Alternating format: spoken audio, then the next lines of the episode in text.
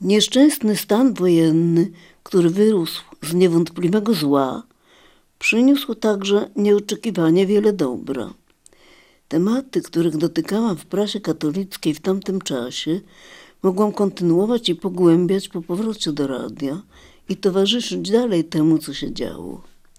Na przykład związanej z cmentarzem osobowickim aktywności grupy entuzjastów.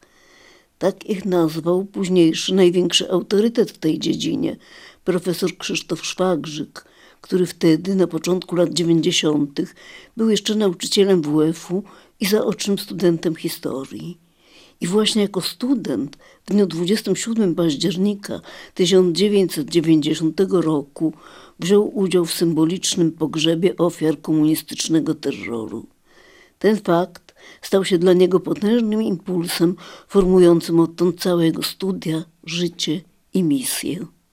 Ale to potem, w dalszej nieco perspektywie.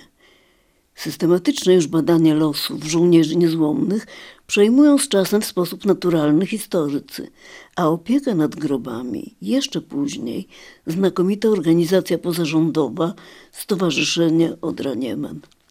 A na razie na naszej antenie brzmią psalmy śpiewane przez kleryków u świętego Bonifacego w kilkudziesięciominutowym obszernym reportażu z symbolicznego pogrzebu. Jak ojciec wskrzesza i ożywia umarłych, tak i syn ożywi wszystkich, których wskrzesza.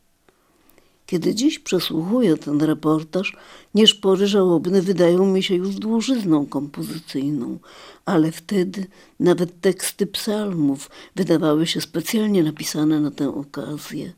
Prawie miałam ochotę szczypać się w policzki. Czy to możliwe, żeby tyle świętych tekstów mogło rozbrzmiewać w publicznym radio? Jak drzewo zasadzone u strumieni wód. To następny święty tekst na antenie. Psalm numer jeden. Błogosławiony mąż, który nie idzie za radą niesprawiedliwych. Tytuł reportażu z prymicji młodego franciszkanina Symeona Czesława Stachery. Znowu znajomość znacząca, jeszcze sprzed powrotu do rozgłośni, zawarta na obozie karłowickich muminków, czyli wspólnoty zrzeszającej młodzież niepełnosprawną, jej rodziców i opiekunów wolontariuszy. Symeon jest jednym z tych opiekunów. Prosi mnie o poprawienie tekstu o swoim muminku i z miejsca zaprzyjaźnia się ze mną, a potem z moją rodziną. Taki jest.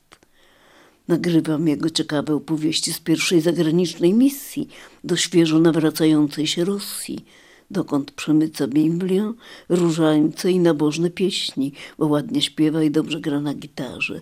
Do Rosji, gdzie naucza, chrzci i udziela ślubów, a to wszystko jeszcze jako diakon, czyli rok przed święceniami kapłańskimi. Pomagam mu także zredagować jego notatki do druku i polecam je siostrze Irenie Makowicz. Ukazują się pod jego nazwiskiem w tygodniku Niedziela, zatytułowane Z Bogiem za Bóg. W radio to także brzmi dobrze, a nawet jeszcze bardziej intrygująco. Mam zresztą swój udział w tej jego misji, bo na pobyt w Lwowie postarałam mu się o dobry adres i rekomendację otrzymaną od matki mego licealnego kolegi Stefana Budzińskiego do jej niegdysiejszej dozorczyni. A skromny brat Symeon za przyjazny kąt rewanżuje się pomocą w zamiataniu ulicy. Wyobrażam sobie, jaka musiała być zbudowana pani dozorczyni, że ksiądz, a ulicę zamiata. Ja się przyznam, że w życiu tylko jednego księdza widziałam z miotłą. To był ksiądz profesor Julian Michalec, który o zimowym świcie odrzucał śnieg sprzed Panny Marii na piasku i przed swoją poranną mszą świętą sprzątał kościół.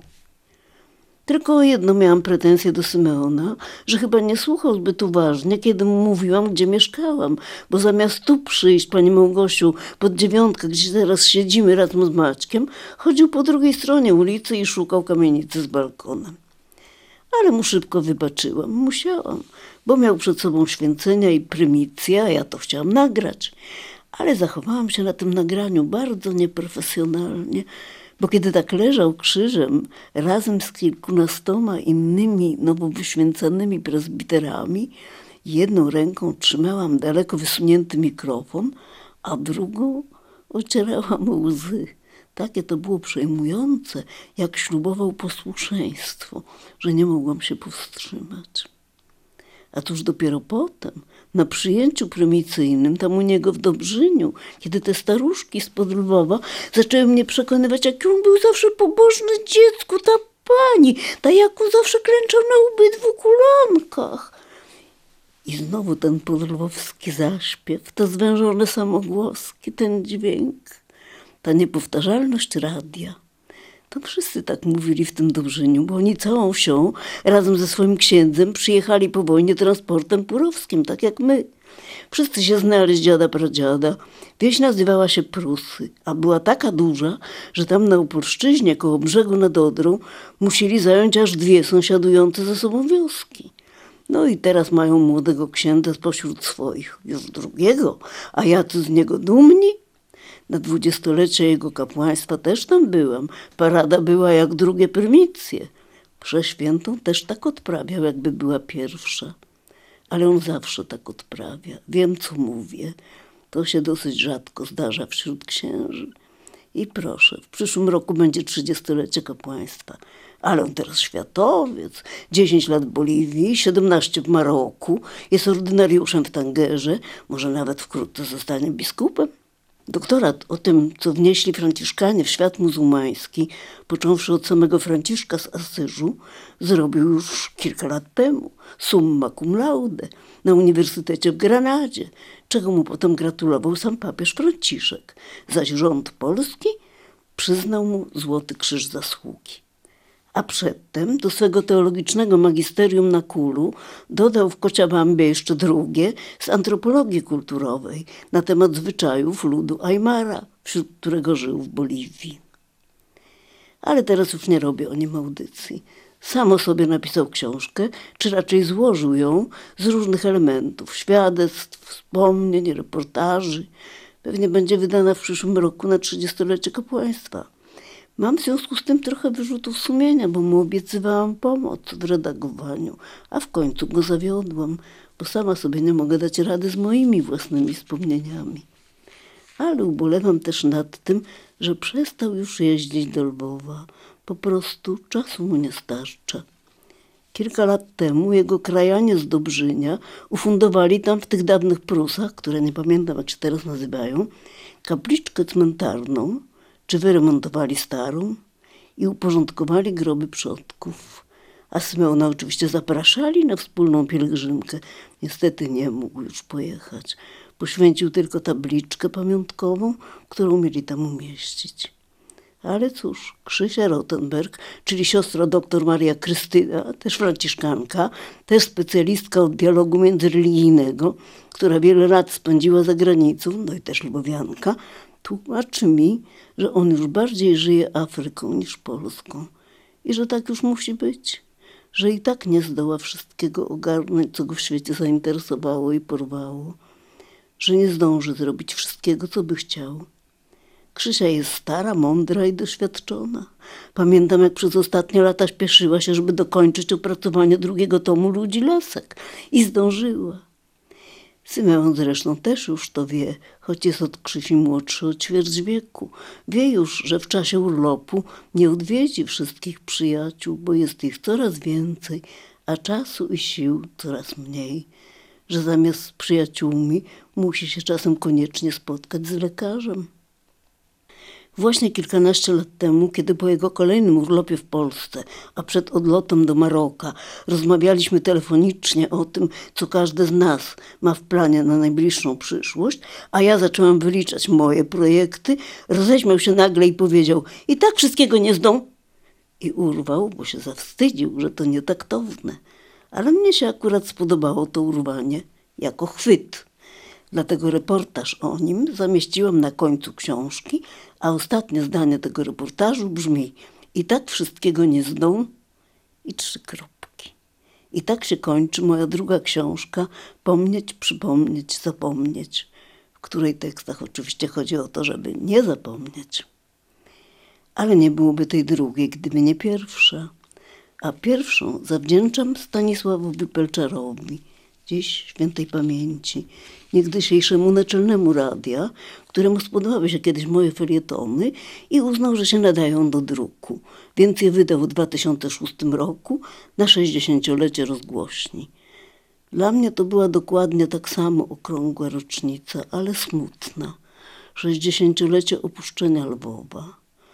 Dlatego ta pierwsza moja książka zaczyna się i kończy Lwowem. Otwiera ją panorama, narysowana nieśmiało, troszkę drżącą ręką przez moją przyjaciółkę plastyczkę Basię Łukaszewicz, też lwowiankę, serdeczną koleżankę ze studiów mego męża Mietka, też lwowianina. To są właśnie te wieże i kopuły, które tak wyraziście widać z okien siódmego piętra hotelu Lwiu. Przedtem jest tylko wstęp Zosi Gebhardt, która dzieli się z przyszłym odbiorcą tym, co sama wyczytała, a potrafi czytać więcej niż jest napisane słowami. Przepisywałam te teksty dniami i nocami, ucząc się jednocześnie pisać na komputerze, a inżynier Marek Zoglowek, który mnie pierwszy przy komputerze posadził, nie mogąc patrzeć, jak wkręcam papier do starej maszyny, dziwił się potem, że radiowy sprzęt był eksploatowany o czwartej rano. Myślał, że to jakaś pomyłka albo oszustwo. My wszyscy ludzie, którym po wojnie wpisano do dowodów osobistych jako miejsce urodzenia ZSRR, zaczynamy odzyskiwać naszą tożsamość z radością, że teraz przynajmniej wolno nam o tym mówić. Na spotkaniu promocyjnym tej mojej pierwszej książki najgłębiej porusza mnie wypowiedź Bogusława Kierca, który sam młodszy ode mnie o 9 lat, a urodzony w Bielsku Białej, więc kiedy indziej i gdzie indziej – w tych tekstach odkrywa niezwykłą sytuację mego pokolenia, które jako ostatnie miało jeszcze w swoim dzieciństwie wyjątkową szansę zetknięcia się z ostatnimi przedstawicielami elit odchodzącej Polski. Ostatnimi, co tak Polonę zawodzili ten znakomity aktor i poeta, który w moich radiowo-szkolnych lekcjach literatury czytywał najwspanialsze strofy polskich romantyków, zwraca uwagę, że ja jako kilkuletnia dziewczynka znałam w Lwowie, dzięki mamie, ostatnich polskich oficerów, którzy uchodzili przed Sowietami, a dzięki chórowi ostatniego przeora i proboszcza dominikanów, który musiał zamknąć swój macierzysty kościół i klasztor i opuścić miasto. No i ostatnią księgę jedynego w Polsce zakonu panian Benedyktynek Ormiańskich, który właśnie kończył swoje trzywiekowe istnienie na naszych ziemiach. Natomiast recenzję dla Odry z własnej inicjatywy pisze Magda Bajerowa. Nad wyraz chwali mój język i styl, przytacza obszerne cytaty, ale o Lwowie ani się zająknie. Nie rozumiem dlaczego i jak to możliwe. Już sam tytuł, duszeczko nie graj łokciami, to przecież cytat z admonicji kierowanych do mnie podczas lekcji muzyki właśnie przez ostatnią ormiańską księgę. Jedynego tego w Polsce zakonu. Gdzie? No oczywiście w Lwowie, tylko w Lwowie. Trzeba też chyba mieć oczy szeroko zamknięte, żeby nie zauważyć narysowanych przez Basię Łukaszewicz sylwetek niepowtarzalnych lwowskich kopuł dominikanów i osolineum, arkad katedry urmiańskiej, wieży korniaktowskiej i baszty prochowej. Więc nawet nie umiałam się zdobyć na podziękowanie Magdzie za nader pochlebną skądinąd recenzję. Może nie powinnam tak o tym mówić, bo gdyby to słyszała lub czytała, to mogłoby jej być troszkę przykro. Ale jestem prawie pewna, że tego nie usłyszy, bo ją niezbyt interesuje to, co ja mam do powiedzenia o Lwowie.